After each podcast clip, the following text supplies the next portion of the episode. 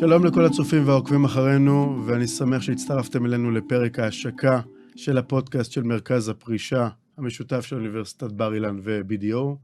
שמי מיקי קבליס ואני מנכ"ל קבוצת טרפז פיננסי, ונמצאת איתי כאן דוקטור שרה זיו, ראש התוכנית המשותפת והמרכז המשותף של אה, אוניברסיטת בר אילן ו-BDO. בוקר טוב, שרה, תודה שהצטרפת אליי בוקר אור, וגם אני רוצה לברך את כל המצטרפים, שמקווה שמספרם ילך ויתרחב, משום שבאמת לשימושם יהיה החומר שאנחנו רוצים להציג בפודקאסט הזה. אז אה, דוקטור שרה זיו, אישה רבת מעללים, מייסדת מכון מופת, לשעבר ראש האגף לחינוך ל... אה, וראשת התוכנית לגיל השלישי, הכשרת הפרט והקהילה למאמנים לגיל השלישי, ועוד רבים רבים מעללייך. אשמח לשמוע ממך מה הולך להיות בעצם במרכז הפרישה בכלל, ומה הולך להיות בפודקאסט הזה בפרט. אני מניחה שכולכם מכירים פה ושם איזה שהן תכונות, איזה שהן תוכניות של פרישה. ובאמת יש יוזמות שונות, גם של גופים ממשלתיים וגם של מוסדות, וגם של אנשים שמחפשים הכנסות ומקימים גופים, עמותות, חברות שמספקות שירותים למיניהם.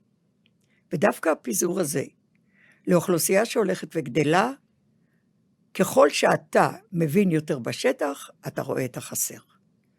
והחסר הוא בעצם איגום משאבים, כוחות, לטיפול הוליסטי בבעיות, למעשה משלושה כיווני אוכלוסייה. מצד אחד הפורשים, הפורשים עצמם לסוגיהם, מיניהם, נשים, גברים, אנשים שעוסקים במקצועות אלו, מקצועות אחרים, בצידם הארגונים המפרישים. מה האתוס שלהם, כיצד הם פועלים, מה הם מציעים, האם זה מסייע לפורשים, האם זה אינו מסייע לפורשים, האם זה מסייע די לפורשים. והנקודה השלישית, הרגולציה. האם המדינה ערוכה, בונה, מגישה תוכניות, בונה מקצועות מתאימים לסיטואציה החדשה, תחת קורת גג אחת, וזהו המרכז. אקדמיה וגוף פיננסי המכשיר גם בעלי מקצוע, ניתן לטפל באופן הוליסטי בשלושה המרכיבים גם יחד. וזה החידוש בזה. אנחנו נשתדל אחר כך גם להראות לכם את הדברים שבהם נעסוק. אבל אחד הכלים שאנחנו מעמידים לרשותכם הוא הפודקאסט הזה.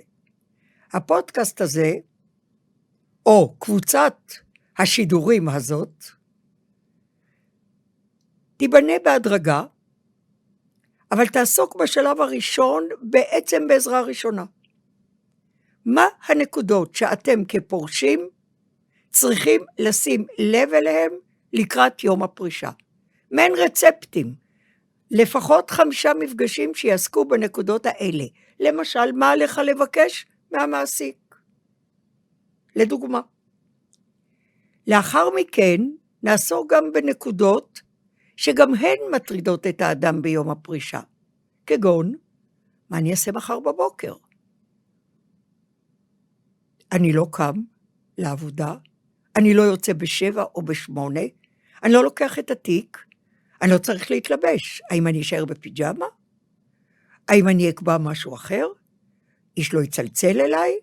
איש לא זקוק לי? אבל לאט לאט, לאחר שנתמקד בדברים הבוערים, נעסוק בסוגיות הרבה יותר רחבות, שמעסיקות אותנו הן בפרישה והן בתקופה שלאחר הפרישה, שהיא תקופה, שימו לב, עם הפנים לעתיד.